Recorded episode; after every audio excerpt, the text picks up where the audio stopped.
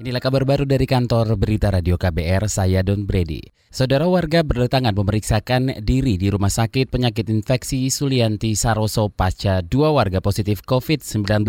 Reski Novianto, silakan lapor, laporan Anda. Ya, saudara, saat ini saya tengah berada di depan lobi utama gedung isolasi sekaligus ruang rawat inap Rumah Sakit Penyakit Infeksi RSPI Sulianti Saroso, Jakarta Utara. Perlu diketahui, RSPI Sulianti Saroso saat ini menjadi salah satu rumah sakit yang ditunjuk pemerintah sebagai rumah sakit rujukan pasien virus corona atau COVID-19 yang menyediakan pos pemantauan untuk masyarakat. Pos ini beroperasi selama 24 jam tentunya. Pada pos tersebut uh, ada beberapa kegiatan yang dilakukan para warga negara Indonesia ataupun juga WNA Indonesia yang dapat berkunjung ke sini.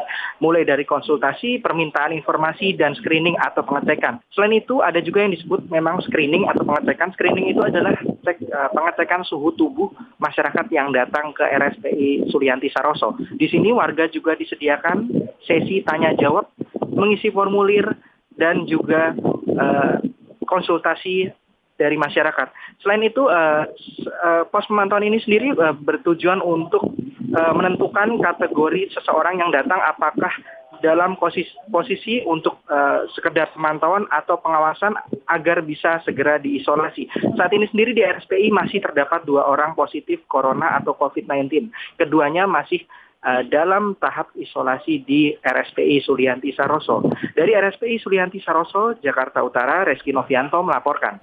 Ombudsman meminta pemerintah segera membuat pusat komunikasi krisis terkait COVID-19. Pusat komunikasi itu dijadikan sumber informasi yang paling valid baik terkait penyebaran, penanganan hingga pencegahan corona. Anggota Ombudsman Alam Syah Saragi mengatakan dengan adanya pusat komunikasi krisis bisa mencegah pejabat tidak asal omong terkait virus ini. Jangan si A ngomong B, si ngomong C gitu, berubah-ubah. Pejabat masing-masing ngomong sesuai selera, itu kan juga kurang baik. Dan itu akan memancing teman-teman media untuk seperti ngerasa ditantang untuk membuktikan bahwa ada. Gitu kan, itu kan jadinya jadi kurang bagus. Anggota Ombudsman Alam Syasyaragi menyarankan semua informasi mengenai virus ini disampaikan oleh satu lembaga yang kredibel dan mewakili pemerintah. Menurutnya dalam situasi seperti ini Kementerian Komunikasi dan Informatika lah yang harus menjadi ujung tombak dalam menyampaikan informasi ke masyarakat. Paparan itu bisa memuat informasi yang bersumber dari lintas kementerian. Saudara cegah penularan SARS-CoV-2, pertemuan Dana Moneter Internasional atau IMF dan Bank Dunia digelar secara virtual. Pertemuan musim semi dua lembaga keuangan dunia itu akan digelar pada pertengahan April di Washington DC, Amerika Serikat. Dalam pernyataan bersama Direktur Pelaksana IMF Kristalina Georgieva mengatakan prihatin dengan penyebaran virus penyebab penyakit COVID-19 itu. Kata dia, penyebaran virus SARS-CoV-2 sebagai tragedi kemanusiaan. Dia mengatakan pertemuan secara virtual dilakukan untuk memastikan kesehatan dan keselamatan peserta pertemuan tersebut. Pertemuan tersebut rencananya akan dihadiri ribuan pejabat pemerintah, pebisnis, dan perwakilan dari seluruh dunia. Pertemuan virtual akan dilakukan dengan menggunakan teknologi informasi. Masih terkait COVID-19, saudara pasien positif COVID-19 jalan-jalan di Beijing. Sembilan pejabat Provinsi Hubei diperiksa.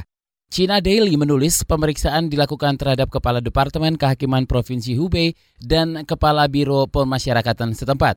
Pemeriksaan dilakukan karena perempuan positif terinfeksi COVID-19 itu dengan leluasa melakukan perjalanan dengan kendaraan pribadi bersama keluarganya ke Beijing. Dia baru saja bebas dari penjara di kota Wuhan, Provinsi Hubei, setelah dipidana 10 tahun dalam kasus suap. Pejabat penjara di Wuhan tidak melapor ke otoritas karantina agar yang bersangkutan dikarantina selama 14 hari setelah dibebaskan dari penjara. Investigasi Kementerian Kehakiman Cina menemukan petugas penjara justru membantu pasien segera meninggalkan Wuhan. Demikian kabar baru dari kantor Berita Radio KBR, saya Don Brady.